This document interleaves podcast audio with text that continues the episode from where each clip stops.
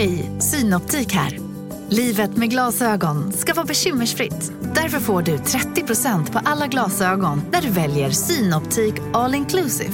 All service ingår alltid. Välkommen till Synoptik. Som medlem hos Circle K är livet längs vägen extra bra. Just nu får du som ansluter dig 50 öre rabatt per liter på de tre första tankningarna och halva priset på en valfri biltvätt. Och ju mer du tankar, desto bättre rabatter får du. Välkommen till Circle K.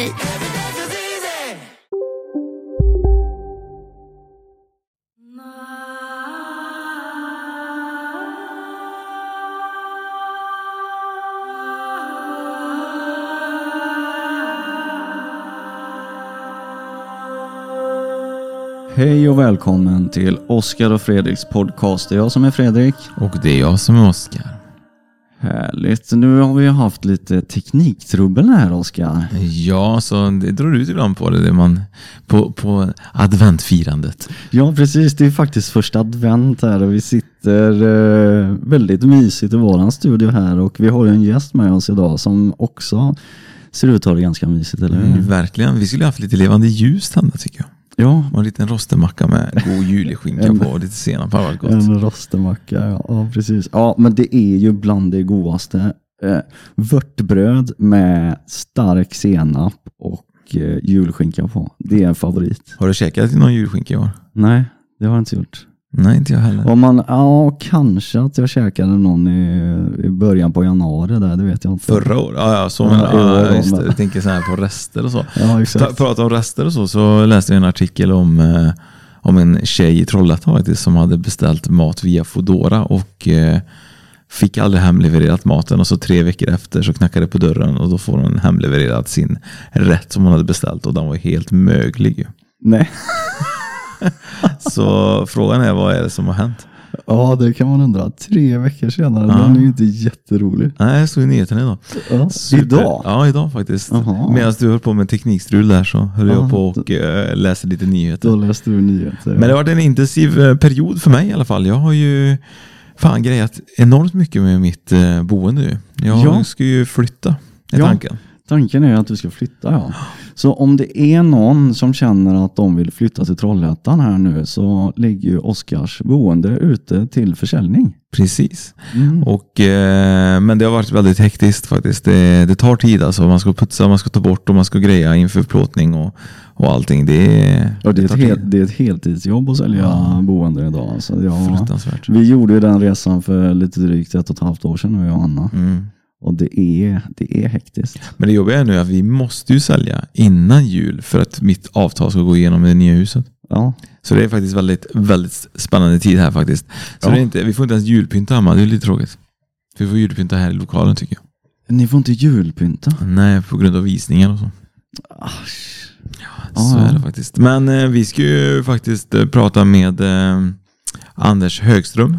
Var det så? Var det rätt namn? En Mm. fråga jag, jag alltid, men det stämmer nog så. Du nickar där borta Anders va? Ja, jajamän. Jag är inte så dålig på efternamn alltid ändå. Men, Nej. men det här är faktiskt ett, ett avsnitt som jag tycker är superspännande. För att det här har ju liksom, det har lite med att göra med min och min ungdom eh, på något sätt har liksom kopplingar Mm, till vad Anders var involverad i en gång i tiden.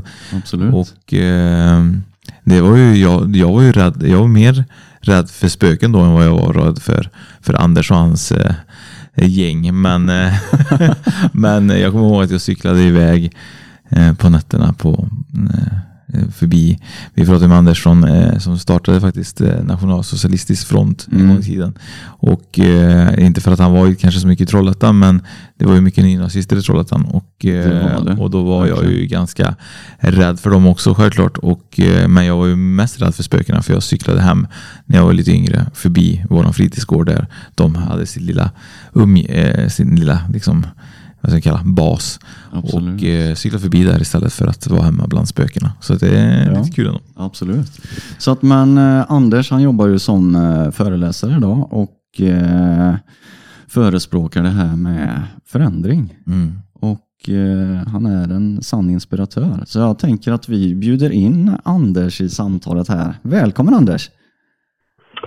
Hej, hej, tack. Hej!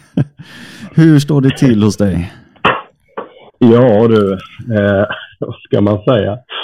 Eh, ja, det är som du säger, det är ju första advent och det är helt underbart. Eh, men eh, jag är snuvig och har feber och är eländig och som vi nämnde innan, det är ju det är så när vi män, eller pojkar blir det väl när vi blir förkylda och sjuka, att vi är ju fruktansvärt eländiga och jag är ju en av dem. Jag blir ju oerhört liten och fånig när jag blir sjuk.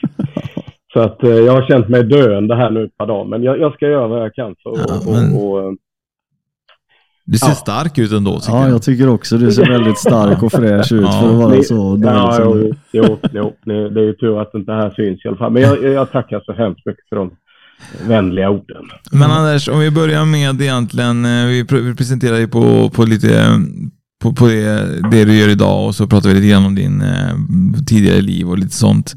Eh, vart Mm. egentligen befinner du dig i Sverige när du, börjar, när du växer upp, liksom, när du börjar gå högstadiet? Liksom, var, vart är du då? I Karlskrona, Blekinge län. Eh, Karlskrona är väl, om det är känt överhuvudtaget så är det väl kanske, det är ju ett världsarv så att det är ju egentligen en, en, det är en väldigt intressant stad med en intressant historia men det är ju, ligger ju lite i en avkrok och det är väl, eh, var väl själva anledningen på något sätt från början. Men, men eh, det är väl en stad som många säkert har kört förbi men eh, inte riktigt tittat in i. Ehm, här finns det Och mycket där- att jobba med, jobba med, med Anders och hela hans historia, så att eh, det här kommer bli så jävla coolt faktiskt. Men du, du har, är, du, är du ensam barn?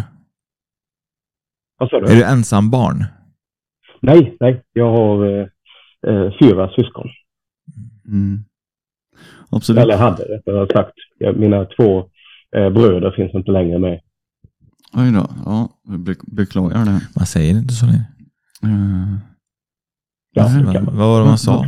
Ja, vi, prat, vi pratade ju med en eh, sorgeterapeut häromsistens så då säger Mm. man inte att Man beklagar sorgen. nej, man, man be- beklagar sorgen ska man inte säga utan man, Beklagar förlusten. man beklagar förlusten. Mm. Kanske något sånt där. Ja. Så Ja. Jag, tror, jag tror faktiskt att eh, vad man säger är inte alltid så viktigt. Utan eh, jag tror det, det ärliga uppsåtet så att säga Mm. skiner ofta igenom. Ibland kan det, nu är jag ingen expert på det där, eh, kanske ganska dålig egentligen. Men, men, men jag tror att är, är man eh, ärlig eh, i det man menar så, så på något sätt så, så visar, skiner det igenom ganska tydligt. Och sen är det ju inte lätt. Jag menar, vad ska man, vad ska man säga om, om en sån sak? Exakt, precis. Nej, det är inte enkelt. Det, men det är som du säger, det viktiga är väl uppsåtet med, med Ja. vad man säger. Absolut. Men, men om vi går tillbaka då. Hur, eh, hur, hur, eh, vem var du i högstadiet och gymnasiet? Ja, egentligen så behöver man ju på något sätt gå tillbaka ännu längre. Alltså jag är ju eh, född och uppvuxen i en, eh, vad ska man säga, eh, normal familj, vad det nu innebär. Alltså mamma, pappa och, och, och äldre syskon. Det, det, det som kanske skiljer lite är ju att jag var ju en lite sladdis. Va? Eh, min far var 50 år när jag föddes. Han var alltså född 1925. Eh, och min pappa i sin tur var också en sladdis. Så min farfar är faktiskt född på 1880-talet. eh, vil, vil, vilket naturligtvis resulterar i att vi inte haft någon eh, djupare relation. Sådär, det. Eh, och med det sagt menar jag inte att man behöver vara någon dålig, dåliga föräldrar eller på något sätt för att man är äldre när man får sitt, Eh, den där sista lilla sladdisen. Va? Men, men eh, jag tror väl att eh, eh, framförallt min pappa så att säga, eh, jag menar när jag var tio år, då var han 60. Eh, min pappa har alltid varit skötsam, ordningsam, gjort det han skulle göra. Har hans gamla betyg, han har alltid toppbetyg i uppförande var det ju då. Eh, jobbat statligt, eh, det var viktigt liksom. Det var, det var SJ som barn. Ja, man började ju tidigt på den tiden och sen blev det, låg han på ubåt mellan 41 och 46. Och sen blev det SJ hela fram till pensionen då va. Eh, men jag tror att eh, han var nog inte riktigt beredd på, eh, på den här eh, killen som kom på, på slutet där. Va? Jag menar mina syskon också har varit eh, ordningsamma och, och skötsamma och, och eh, gjort det man har skullat uh, göra. Och, och eh, så kom då jag och eh, jag fogade mig väl kanske inte riktigt för och jag var väl i behov av betydligt eh, stramare tyglar än vad mina föräldrar eh, var kapabla att ge. De var väl uppvuxna under omständigheter där det var ganska så, eh, vad ska man säga, när jag har hört min far berätta om min farfar så, så var väl han inte kanske den eh, lenaste killen alltid. Va? Ehm, och jag tror att eh, min pappas lite, ska man säga, lite flummiga eh, 70-talsuppfostran eh, som ungefär gick ut på att nej, men man gör sina fel och så lär man sig och så går man vidare starkt och så. Va? Det funkade ju på, på eh, mina syskon, men på mig då som eh, förmodligen hade en och annan eh, kombination eh, så föll det inte ut så väl. Eh, och jag började mina första år eh, i ett, vad ska man säga, klassiskt sånt här svenskt eh, villaområde, Hässlegården som ligger ja, en dryg mil utanför Karlskronas centrala delar. Då, med de här ja, som vi alla känner igen, röda eh, en och en halvplansvillorna med vita knutar eh, eh, som låg tätt packade där intill varandra och jag hade goda vänner som jag umgicks med. Eh, började första klass, gick första klass i det här området och jag ska väl inte säga att jag har jättemånga minnen från den tiden. Eh, men jag inbillar mig i alla fall att jag trivdes i den skolan. Därför att i övrigt så har eh, skoltiden för mig varit allt annat än bra. Eh, eh, och varför jag tror att den på något sätt ändå var god det här första året är att jag har i alla fall inga som helst negativa minnen från första klass. Men sen skiljer sig mina föräldrar och eh, eh man flyttar så på, på eh, varsitt håll. Jag och mina syskon eh, flyttar med min far och det gör vi till Marieberg som är ett vid tiden då ganska slitet och eländigt sånt här, vad ska man säga. Eh, ja, det var väl tidigare än miljonprogrammen i och för sig, men, men lite i den stilen. Eh, och kommer då till Kungsmarksskolan som är då eh, ja, någonting helt annat än vad jag var van vid.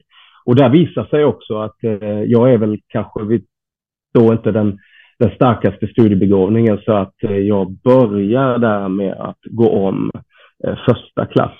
Och det, det sätter väl liksom ribban på något sätt. Alltså det, det, det gjuter väl liksom en grund för ett utanförskap som jag kanske eh, då inte riktigt förstod eh, eh konsekvenserna av. Men som vuxen så ser man kanske eh, tendenserna i, i mitt sätt att, eh, att vara. Eh, det, det kommer ju en del varningsflaggor.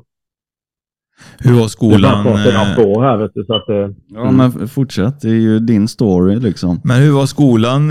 Alltså, känner du någonstans att eh, under de här åren du gick i skolan och att det liksom satte en prägling på, på, på det som händer med dig?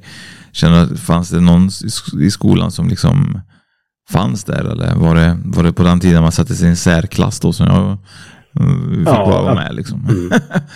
ja, ja, ja, men alltså så, lite så var det. Vi, vi eh, det finns ju saker i dåtidens skola som eh, man ställer sig idag ytterst tveksam till. Eh, det finns ju också saker som jag är oerhört tacksamma för att de fanns. Eh, jag kände ju nog, alltså, jag hade ju ett solklart liksom, känsla, en, en solklar känsla av ett utanförskap. Eh, eller snarare kanske att vara eh, annorlunda. Jag hade inte svårt att eh, få eh, nya vänner, men jag höll mig nog väldigt mycket eh, för mig själv. Ehm, och jag blev ju som du sa där med särklass, alltså jag blev ju i princip, vi brukade kalla det för trög i gruppen. jag, blev alltså, jag blev alltså inkastad där omedelbart och där hade vi ju naturligtvis en, det är en stor skillnad från idag, att du blandade ju elever på ett sätt som man inte skulle göra idag, vågar jag påstå. Eh, vi hade ju i, framförallt efter då, när jag kom upp i sjuan, eh, så blev jag eh, förvisad till en, eh, en bondgård som låg i, ute på den, i den karlskronitiska landsbygden. Eh, väldigt pittoreskt. Eh, där fick jag, jag skulle egentligen gå där ett par veckor för att de skulle, jag skulle på något sätt eh, lugna ner mig och landa lite. Va? Det, det slutade med att jag gick sjuan, åttan, nian där. Vi var fem elever och det var väl lika många lärare ungefär. Eh, och det var ju, kan man väl säga, kommunens samlade juveler då som man hade kastat in här, vi som var intresserade av väldigt mycket, men kanske inte hade så mycket med skolgången att göra. Eh, och där är jag ju ändå oerhört tacksam för att eh, jag fick komma dit och möta lärare som på allvar såg vem jag var. Eh, jag tycker att man skulle reagerat mycket, mycket tidigare med tanke på det destruktiva eh, beteendet jag uppvisade väldigt tidigt. Men jag är oerhört tacksam att jag kom ut till den här skolan. Därför där mötte jag ju lärare som satte ner foten. Och jag ska inte säga att jag inte hade kunnat stava mitt namn eller läsa om jag inte hade hamnat där. Men jag gick från ett eh, definitivt streck eh, i betyget till fullgoda eh, Ehm, betyg när jag, när jag eh, lämnade eh, grundskolan. Eh, och det är jag evigt eh, tacksam för, därför att eh, på något sätt så la man eh, en grund i mig som jag idag har liksom kunnat utveckla och, och, och ta del av och glädjas av i form av ett relativt, relativt stort intresse för, för litteratur till exempel. Att läsa, att förkovra mig, att ta del av och så här. Va? Och det vågar jag påstå, det hade jag aldrig haft om jag inte hade haft, eh, fått möjligheten att, att eh, undervisas av mycket, mycket bra lärare. Nej, men och eh, sen eh, på något vis då de här tre åren ute på den här gården gör att eh, mm. du känner dig sedd och att du eh, ändå på något vis eh, eh, få till dig en del av skolgången som du har missat då mm. från ettan till sexan. Men vad händer sen då? Eh, släpps du lite vind för våg när du, kom, när du började i gymnasiet då? Eller vad, vad sker där? Ja, men det gör jag ju och det, det är ju egentligen någonting som har hänt, vad ska man säga, parallellt med skolgången. Eh, ända från, från eh, första klass egentligen. Alltså jag, jag uppvisade ju ett oerhört destruktivt eh, beteende. Jag hade en, en förmåga att eh, hitta på eh, hyss och, och kanske framför allt att få mina eh, eh, klasskamrater att hitta på massa saker. Eh, jag kunde inte låta bli att klättra och klänga i allting på skolan och skolgården och den stora skorstenen eh, på skolan och, och väggarna på matsalen och allt vad det nu var. Eh, så ganska tidigt så visade man ju på något sätt att man hade lite, eh, kanske lite mer energi i kroppen och lite svårt att eh, fokusera på skolarbetet. Och när jag kom till den här nya skolan så var ju det, jag vågar väl ändå se att jag tror att dagens, vad ska man säga, utanförskapsområden och de problem som man brottas med eh, numera eh, är väl betydligt tuffare än vad vi någonsin ställdes inför. Men det var ändå så att man kom till en plats där det var eh, lite äldre elever som omedelbart tog en under ens, eh, deras beskydd. Men eh, då var det ju sådana här saker att man skulle gå ner till Konsum och snappa tuggummi och sen blev det chokladkakor och sen blev det cykelstölder och sen blev det inbrott i källarförråd och så vidare. Hur gammal är du här nu då? Det... Ja, alltså det här börjar ju direkt, alltså så fort jag kommer till, till Marieberg. Mm. Eh, eh, jag minns att eh, jag blev eh, eh, direkt, eh, vad ska man säga, attackerad av några av de lite äldre och vad ska man mer bestämmande barnen. Mm. och, och det blev ju väldigt tydligt att man fick antingen så var man vän eller så blev man helt enkelt utsatt och då var det ju bättre att vara vän. Eh, men att vara vän där, det innebar ju också att man eh, gjorde det som de andra gjorde. Och det, det är ju så i sådana här områden. Jag ska inte, jag ska inte säga naturligtvis att, att det finns ju jättefina, eh, bra föräldrar i, i utanförskapsområden. Men det, det är ju inte sällan som det är eh, föräldrar som kanske är eh, ensamstående eller av olika anledningar eh, har svårt att sätta eh, gränser. Och det hade ju mina föräldrar. Alltså de, eh, som sagt var, de erbjöd alltid eh, de basala bitarna, alltså mat, eh, kärlek och värme. Eh, men eh, satte aldrig ner foten. Eh, såg aldrig de här eh, varningsflaggorna som måste ha ploppat upp överallt och hela tiden. Mm. Eh, och, och eh, det där utvecklades ju också till, till, eh, eh till andra. För det var ju så att där möter jag också, kanske för första gången i mitt liv, eh, invandrare. Jag hade väl ingen uppfattning om invandrare egentligen. Eh, men det blev ingen positiv träff oss emellan. Eh, och eh, Vad hände? Där blev det ju också. Ja, nej, alltså det var, det var slagsmål. Eh, de var oftast eh, eh, några år äldre än vad vi var. Jag menar, det är klart, då var det vi som åkte på, åkte på stryk. Mm. Eh, och det skapade ju... Hat är ju ett väldigt starkt ord och det vet jag inte riktigt. Jag vill inte riktigt sätta det på en liten kille, utan rädsla Eh, och rädsla gör ju att man söker eh, trygghet. Där hade vi återigen då de här lite äldre killarna som tillhörde det som då, ja, nej men BSS, Bevara Sverige svenskt eller eh, vad man nu kallade sig. Va? Eh, där fanns ju de här då som var lite äldre och så småningom där, eh, var det något som kallas för VAM, ett motstånd. Och man kom i kontakt med dem och där sträcktes ju ut en hand eh, och erbjöd en trygghet och en, en säkerhet som jag eh, absolut ville ha. Hur gammal är du här i det här läget? Ja, det är väl egentligen i, i sjuan som, som det på, på som jag på allvar börjar få de eh, kontakterna. Sen, sen är man ju, jag menar, vi pratar ju fortfarande om ett barn som man mm. är när man går sjuan. Va? Men, men, men eh, jag börjar ju få de kontakterna. Jag, eh, jag hittar ju på en hel del saker vid den här tiden. Eh, jag börjar ju där i 15-16 års åldern så eh,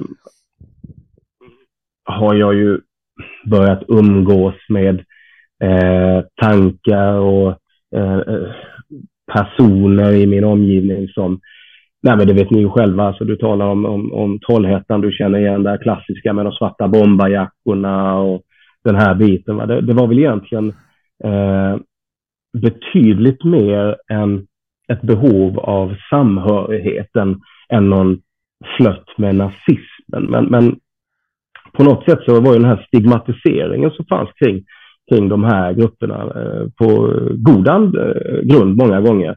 Eh, men det blev ju också lite av en självuppfyllande, eh, eh, vad ska man säga, profetia nästan. Alltså att man fick eh, en, ett, ett rykte. Och som ung kille, så åtminstone jag, så vill jag ju leva upp till det och gärna lite till. Och det är en liten stad, Karlskrona, så det är ganska så eh, enkelt att eh, chocka medborgarna då med, med eh, diverse upptåg. Och vi hade ju det som ledde in mig i en direkt kontakt, kontakt med då Vambit Ariskt motstånd, det var att jag hade varit på en fest. Eh, jag eh, skulle hem till eh, Marieberg eh, och på min väg hem så passerade jag ett bygge och jag sprang in där. Jag plockade på mig en, roller och en stor eh, hink med gul färg och så blaskade jag iväg ner mot infartsleden, alltså vägen in mot Karlskrona stad. Och där låg en gammal, eh, vad ska man säga, tegellänga av lite större slag. Um, och jag satte ner min burk där och sen började jag måla. Och jag målade ett jättelikt hakors i den här gula färgen. Den lös över hela infartsleden. Det var ju liksom omöjligt att, att, att missa det här. Va? Och det var ju faktiskt eh, min väg på något sätt in i den mer organiserade eh, delen av det här. Eh, därför att några dagar senare så, så sitter det en kille på bussen som, som tillhör just organisationen VAM. Han ser det här, han börjar luska i vem som skulle kunna ha gjort detta. Han eh, Eh, får mitt namn, ringer mig eh, och eh, detta måste ju vara Ja, jag tror att det, det är alltså 91 någon gång där. Eh, då, då, eh, då jag på något sätt tar, tar klivet in i det som skulle kunna ses som lite mer eh, organiserad eh, eh verksamhet. Då. Mm. Och då är... Redo för sportlovets bästa deal? Ta med familjen och njut av en Big Mac, McFeast eller Cooper Cheese och Company plus en valfri Happy Meal för bara 100 kronor. Happy Sportlovs deal, bara på McDonalds. Hej, Susanne Axel här. När du gör som jag och listar dig på en av Krys vårdcentraler får du en fast läkarkontakt som kan din sjukdomshistoria. Du får träffa erfarna specialister, tillgång till lättakuten och så kan du chatta med vårdpersonalen. Så gör ditt viktigaste val idag, lista dig hos Kry. Okej hörni, gänget! Vad är vårt motto? Allt är inte som du tror! Nej, allt är inte alltid som du tror. Nu täcker vårt nät 99,3 procent av Sveriges befolkning baserat på röstteckning och folkbokföringsadress. Ta reda på mer på 3.se eller i din 3-butik. Är du 16 då, var 91 va? Eller? Ja, ja. ja precis. Och um, vad, det här samtalet då, vad, vad går det ut på? Värvar han dig då till VAM eller vad, vad, vad händer efter det? Ja, ja alltså man, man ska ju ha klart för sig liksom att eh, som jag nämnde tidigare och det gäller även när du är 16 år, alltså du är ju fortfarande ett barn. Självklart, är man ju. visst är man det. Ja, och lite som du eh, pratade om tidigare, att det här med utanförskap och du får uppmärksamhet för någonting som du har gjort och eh, mm. någon konfirmerar det och tycker att det är bra på något vis. Och det är klart ja. att eh, med utanförskapet och den bakgrunden som du har med skolgången, att, eh, att du växer på något vis i det, tänker jag. Mm. Ja, men det gjorde man ju. Och sen, sen var det ju så att ju mer jag växte in i detta, eller tog till mig det här budskapet, attraherades av det, eh, använde det liksom till ett, någon form av yttre attribut. Och, eh, ju hårdare blev ju motståndet från eh, vuxenvärlden. Eh, och det är ju naturligt och, och, och, på ett ganska bra sätt. Men jag tror också att man under de här åren så, eh, så hade man en hatkärlek till nazismen. Nu vet jag att nu, nu blir ju eh, journalister och andra helt tokiga när man säger, men det, det, det vågar jag nog påstå faktiskt att man hade. För att samtidigt som man avskydde nazismen eh, så älskade man ju företeelsen för att man skrev hela tiden om nazism. Eh, det räckte att det ploppade upp någon liten kille någonstans i någon landsbygdsort som satte upp ett klistermärke. Då, då gjorde man intervju och sen var det organiserad nazism. Eh, det vågar jag påstå att det, det, var det inte. De här killarna hade inte läst Mein Kampf eh, hemma på kammaren och, och, och, och eh, vad ska man säga, i, i, verkligen i grunden bearbetat den nationalsocialistiska ideologin och kommit fram till, till, att det här är verkligen det jag står för. Utan eh, jag tror att de absolut flesta eh, tillhörde en grupp människor som, eh, likt mig själv, som var eh, sökande helt enkelt. Eh, man växte också upp i områden där eh, spänningarna mellan invandrare och svenskar var eh, påtagliga. Detta under en period då man egentligen inte riktigt eh, visste, eller skulle jag nog kunna säga vågade, ta i frågan. Det är en känslig fråga tyckte man, vilket det inte på något sätt är. Har aldrig varit, kommer inte vara. Liksom. Det är ingen känslig fråga. Om vi vågar adressera ett problem, ta i det, så är det aldrig omöjligt att lösa det. Men, men vi måste på något sätt se det först. Och jag menar, vi kunde ju alltså eh, på den tiden, eh, vi blev eh, vi blev utmålade i lokalpress som eh, organiserade. Vi var en nazistisk eh, förening eller organisation och ehm, eh, vi hade möten och eh, det lät ju väldigt eh, det lät väldigt eh, organiserat, vilket det inledningsvis absolut inte på något sätt var.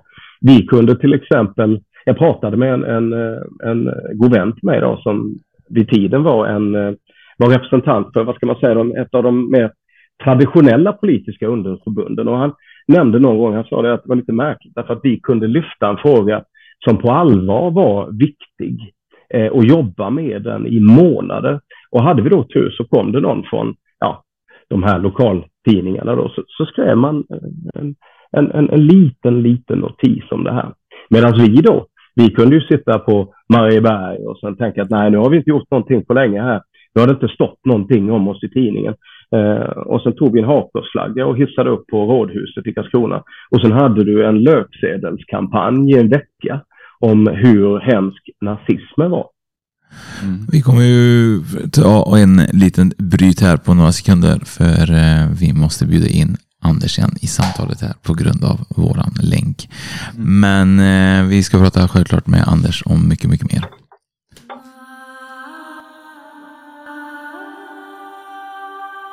Och där var vi tillbaka från våran lilla paus. Kaffepaus hade varit gött. Mm. Eh, vi pratade ju om eh, väldigt mycket om eh, Anders eh, barndom och eh, ungdom där. Där vi pratade lite grann. Men jag har lite funderingar. Jag som själv är utländsk och eh, vi pratade om det lite innan att jag hade liksom 90-talet och det hade du med. Vad, vad, hängde ni liksom, vad var ni ute efter? För jag, i min värld så ser jag ju liksom det ni gjorde var ju att ni gick ju liksom i, i grupperingar och verkligen leta efter liksom att bråka och skapa slagsmål med, eh, med, ja, med invandrare självklart. Då. Eh, var det så? Var, var, var det, strosade ni runt liksom era kängor och tyckte det här var kul? Eller var, för även om man har åsikter så behöver det inte betyda liksom att man behöver liksom ut och göra sådana här saker genom att slåss eller bråka med eh, första invandraren man såg? Eller hur, funger, hur funger, gjorde ni liksom? Ja, det är klart att det fanns inslag av det också sen. Sen samtidigt när, när efter det att vi 94 hade bildat alltså NSF Nationalsocialistisk front, vilket, vilken, eh, vilket växte relativt eh, fort. För det, det, blev ju så småningom den, den största i efterkrigstid då i alla fall, eh, öppet nazistiska organisationen. Och Eh, även om man idag som vuxen kan se eh, viss organisatorisk brist så var det ju, men det var ändå en organisation va? och det var man inte riktigt van vid på det sättet. Så att, samtidigt på ett sätt ville vi tona ner det här spontana liksom skinheadsvåldet som, eh, precis som du beskriver, man, man gick runt på stan egentligen och angrep eh, i princip vem som helst. Och jag vågar nog säga eh, utan att ha några bevis för det. Men jag vågar nog påstå att de flesta bråken eh, var nog inte med invandrare utan det var faktiskt med, med, med svenskar som man stöter på. Och, eh, så att eh, eh det inslaget det fanns eh, och var ganska eh, påtagligt. Men vi ville ju på något sätt motverka detta då och det var inte för att vi ville att det var någon god gärning utan vi vi ville ju ha en mer organiserad form där man hade eh, där man byggde upp en, en, eh, en gruppering av människor som eh, Eh, man effektivare kunde styra, alltså rikta våldet mot dem som man upplevde var ett eh, problem. Och det var väl det som, tror jag, skilde eh, vår organisation eh, från mycket av det som hade varit tidigare. Men jag tänker lite grann, eh, det som händer är ju liksom att ni, ni växer ju väldigt fort och ni får ju ändå liksom ett grepp om, eh, om mycket eh, yngre och äldre självklart människor också. Men eh, jag tänker, fick, var det så att man fick uppdrag, typ så här, det här ska du göra eller det, det här är bra om ni gör eller hur, hur jobbar ni med det? Ja, det, nej, men det var det. Vi, vi, vi var ju unga och oerfarna eh, på alla sätt så att vi, vi gjorde det vi kunde. Vi, vi kopierade eller stal rakt av eh, organisationen från, från 30-talet i princip. Vi läste eh, eh, allt ifrån alltså uppbyggnad av, av den eh, av, eh, tyska SA, eh, vilket eh, vi på något sätt i miniatyr försökte då liksom att kopiera eller efterapa. och därför så, så hade vi ju, vi, vi byggde upp en organisation som hade lokal Ehm, avdelningar, ortsgrupper och sen då i Karlskrona så satt eh, det som man kallade för riksledningen. Eh, och sen hade man olika eh, uppdrag och oftast var ju det ganska så ehm, nu, nu, ska jag inte liksom göra detta oskyldigt, men, men, nej, men det kunde ju vara liksom att sälja vår tidning eller dela ut flygblad eller liknande. Då, Men det kunde också vara att, att till exempel lokalt då, eh, om det fanns eh, partier eller organisationer eller personer som eh, stod upp mot det här på ett sätt som vi tyckte var eh, ehm, eh, orimligt då, eh, att utsätta dem för, för olika typer av ehm, aktioner, eh, hot och eh, ehm, bete sig illa helt enkelt. För jag tänker lite grann, jag kommer ihåg eh, i Trollhättan så brändes ju, eh, då var det ju då den första moskén som brann upp ju. Eh, och eh, sen var det också någon som blev väldigt grov misshandlad även i Trollhättan och självklart i många andra städer. Var det här någonting som ni uppmärksammade på det sättet att det var typ så här, ja men det är goda gärningar, det är rätt personer, vi tar in dem och typ så här hyllar dem lite extra eller mm. klättrar man också på något sätt i hierarkin om man gjorde ju värre saker man gjorde? Ja, men så, så, var det. Så var det ju. Alltså det fanns ju olika typer det fanns ju de som kanske hade, eh, blev ortsgruppsledare. Det var ju människor som, som man inte ville, ville, ville skulle vara, eh, vad ska man säga, de mest våldsamma. Därför att de ville man ju, det skulle vara de som hade förmågan att organisera, att samla människor under sig. Men sen eh, givetvis så på, på varje ort så ville man ju ha ett antal personer som hade ett eh, nej, men ett våldskapital naturligtvis. Eh, och ju större, desto bättre. Eh, och de blev ju eh, naturligtvis, eh, de fick ju sin del av uppmärksamheten. De, de blev ju någonting genom att utföra de här handlingarna, att göra de här sakerna. Eh, och återigen så var det ju det att det jag nämnde innan, det här med att, att om, om politiker eh, vänder sig emot oss. Eh, samtidigt var det ju som så att det, det, var ju det som skapade vår möjlighet. Därför att eh, ibland brottas jag med tanken, jag ska inte säga att, att vi, vi ska stå tysta mot intolerans. Det ska vi definitivt inte göra. Men ibland tänker jag som så här, att när vi hade våra demonstrationer, vi var på ett ställe, minns jag. Eh, det var i, i, eh, i Karlshamn. Och vi var kanske, jag vet inte, 100, 150 personer. Eh, och jag ska inte säga att man på något sätt i Karlshamn kände till detta och hade tagit ett gemensamt beslut att, att eh, inte ge oss uppmärksamhet tidningen gjorde man det, man blåste upp det här. Eh, men det var oerhört lite folk ute på gatorna. Och jag tror att det fanns en gemensam eh, jobbig känsla bland oss som var med. Därför att vi ville ju någonstans skapa reaktion. Vi ville få folk att bli förbannade och upprörda. För då på något sätt så, så, så, så eh, bekräftade ju liksom oss och att, att vi fanns och att vi hade en möjlighet att påverka, visa vilka vi var. Ibland tänker jag så att hade inte det bästa varit om folk helt enkelt bara stängde dörren, gick ner, gick in, drog ner rullgardinen och så hade vi kommit marscherande där och inte en människa hade tittat eller sagt eller skrikit någonting. Jo, det är ju det bästa med det. Ja, det hade, Ja, det hade faktiskt varit. varit- det, och, men, men, men återigen, det är viktigt här att, att, eh, att man inte raljerar med de här frågorna. Eh, när det kommer till eh, nazism och eh, det spelar ingen roll om det är nazism eller som idag så har du kanske mer eh, religiös extremism. Eh, det spelar ingen roll vilken ism det är. Man måste stå upp och visa tydligt var man eh, står. Det tror jag är oerhört eh, viktigt. Eh, men ibland så kan man bemöta extrema tankar på lite olika sätt. Och jag vill bara kasta in en snabb här. Vi var nere i Ronneby. Det här var tidigt. Jag, kan, jag var väl i 18 års ålder, någonting, 18, 19. Eh, jag hade avtjänat mitt första eh, fängelsestraff. Eh, flyttade till, till ett av mina första boenden i Ronneby. Eh, och där hade vi då eh, organisationens eh, lokaliteter. Eh, på den tiden kunde man gå omkring med hakkorsflagga mitt på stan. Det var alltså inte olagligt. Eh, vilket vi gjorde. Vi var ute en eh, handfull, eller ja, vi kanske var ett tiotal personer. Och så gick vi där, vi hade hakkorsflagga och då kom det en, en äldre man. Eh, där var det på kvällen, det var ju inte så många som såg det här. Eh, så sa han till oss det liksom bara, jaha, eh, är det en hakkorsflagga? sa han. Ja, ja, ja, jo, det är det, sa vi. Jaha, är ni, är ni nazister? Ja, jo det är vi, sa vi. det är vi då. Ja. Det kan inte vara många som är det numera. Sa han.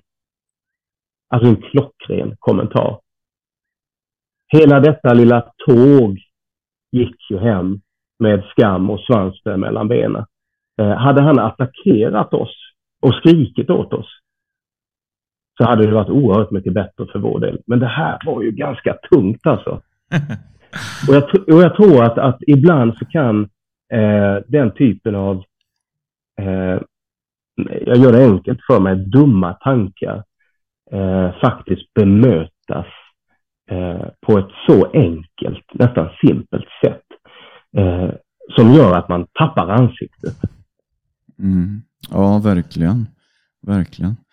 Men eh, eh, om vi spolar fram lite grann då. Eh, några år här så eh, du eh, det händer ju massa saker den här tiden såklart. Och hur mår du under resans gång här rent eh, eh, psykiskt och, och i, ditt Mm. eget hjärta? För att du säger att du avtjänar ditt första fängelsestraff och det kommer ju komma några fler och till slut Mm. så hamnar du ju på ett eh, riktigt dåligt ställe. Mm. Ja, jag, eh, jag håller ju på fram till 99 egentligen då min, eh, en av mina äldre bröder då omkommer i en mc-olycka. Samma år så har du också eh, polismordet i Alexander, eh, vilket då utförs bland annat av en, en eh, eh medlem i, i, den organisation som jag själv då eh, representerar. Eh, och med flera andra grova vålds eh, dåd och brott eh, så blir hela den här, vad ska man säga, kompotten lite för mycket för mig. Eh, så 99 är ett år som jag, eh, av då bland annat de här anledningarna, faktiskt väljer att lämna den nazistiska organisationen. Inte för att jag har bytt åsikter. Det gör man ju inte över en, en dag, utan den, den krassa verkligheten är ju att jag var trött. Eh, att ständigt bli eh, gripen, anhållen, häktad, fängslad. Eh, att vara omgiven av eh, hat från människor runt omkring, våld eh, och allt det elände som vi faktiskt utsatte både oss själva för, men framförallt människor runt omkring oss i form av, av de som drabbades av, av vårt skit. Va? Och, och, och sen familj och nära och kära. Eh, allt detta blev eh, lite för mycket, så eh, 99 så eh, lämnar jag.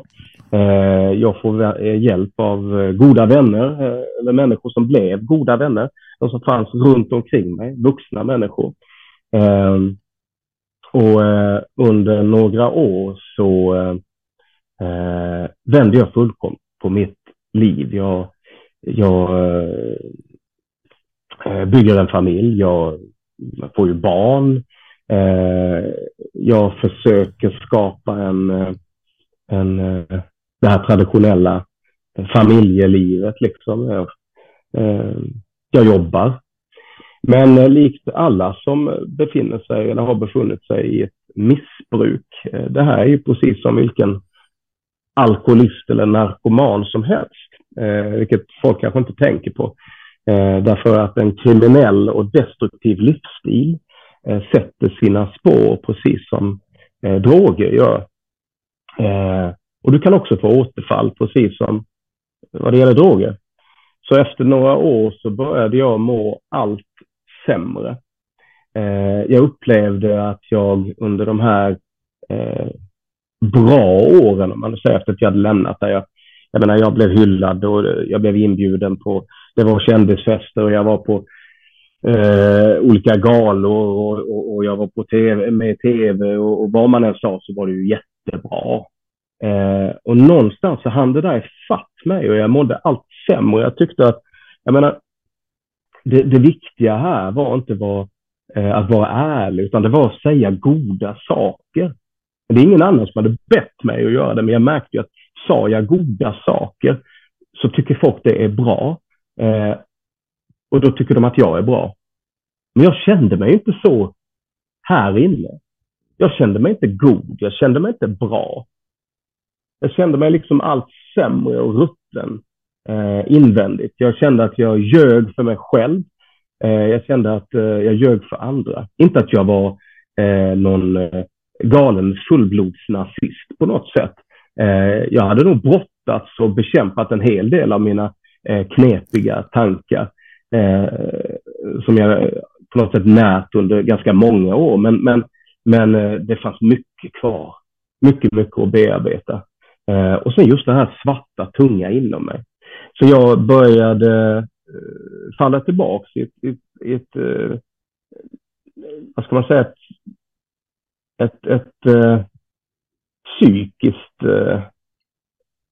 väldigt, en psykiskt väldigt mörk plats att befinna sig på. Jag ehm, eh, misskötte mitt jobb. Jag började använda eh, steroider, jag började använda olika typer av narkotiska preparat jag eh, eh föll tillbaka till det enda som jag egentligen kände, eh, det vill säga kriminalitet. Jag flyttade till Stockholm.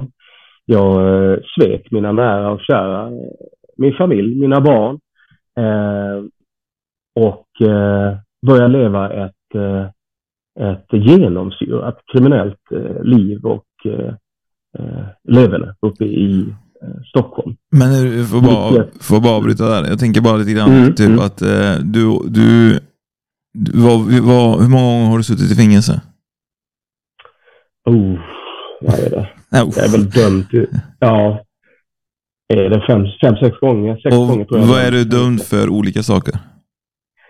Eh, ja, allt från hets mot folkgrupp till eh, eh, vapenstölder, eh, det är väl även eh,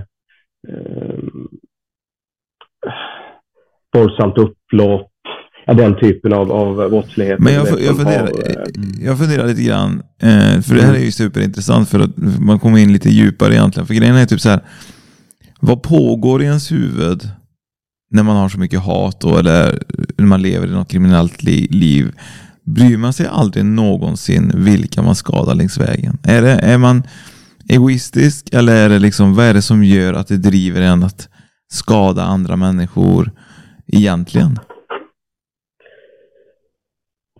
Ja, det är ju en adekvat fråga naturligtvis. Ehm, jag tror att ehm, de flesta som eh, eh, befinner sig i en sån situation lever det livet. Jag tror inte att om man frågar dem, om man skulle adressera dem den frågan att varför utsätter du människor för det här hatet? jag tror inte riktigt att man ser det så. Därför att man befinner sig i en sån destruktiv plats. Och nu menar jag inte att, att eh, raljera med det här eller frånta det personliga ansvaret. Eh, det har man definitivt. Men jag tror inte man ser det. Eh, man ser inte sitt eget beteende utan man ser bara konsekvenserna av sitt eget beteende. Man möts av hat, förakt, eh, du är inte välkommen på en arbetsplats, du är inte välkommen liksom i olika sociala sammanhang. Eh, detta på mycket goda grunder naturligtvis, därför att man har betett sig som man har gjort. Men du ser inte det, du ser bara denna, denna åtminstone jag såg det så. Jag såg bara liksom denna, denna fullkomliga mur av misstänksamhet och, och, och, och eh, tveksamhet inför mig som person. Jag, jag, jag såg inte eh, jag såg inte min egen del i det. Jag kunde väl stundvis naturligtvis brottas med det, men eh, jag såg inte, eller valde nog att inte se, att inte eh, förstå att den, den, den stor, det stora problemet i mitt liv, det var inte alla andra, utan det var ju faktiskt mig själv. Men kommer det ingen skam i livet? Kommer det ingen, alltså jag tänker på nära och kära. Du, du, din mamma och pappa var ju förmodligen inte glada på dig, dina, dina resterande syskon. Jag menar, känner du inte någonstans typ så att, du, att det blir kanske även att man, att man skäms och att man på något sätt liksom har redan gett upp allting så man skiter i allt? Mm. Det, det, är klart att det fanns ju, men eh, en människa, eh, och jag tror att jag kan tala för inte bara mig själv, utan många i den situationen som har levt på det sättet som man har gjort under kanske omständigheter som, som har eh, tuggat lite på den moraliska eh, kompassen. Eh, kombinera det med, med eh, steroider och eh, droger och allmän kriminalitet. Alltså det, det blir ingen bra kombo. Återigen, det är inte att eh, frånta mig själv med det ansvar som man hade, utan det är nog mer bara liksom ett, de, de, det är liksom en, en kombination av ingredienser som mun, verkligen mynnar ut i en, en, väldigt, väldigt dålig soppa. Det, är alltså, det skapar en, en, en, en ganska eh, kall och eländig människa som, som eh, förmodligen ser att eh, de flesta problemen är andra människor, inte, inte ens egen, eh, sitt eget handlande. Nej. Men sen så händer det ju någonting så att du hamnar i ett fängelse i Polen. Och mm. vad är det som föranleder den händelsen och vad är det som händer i dig när du är mm. där?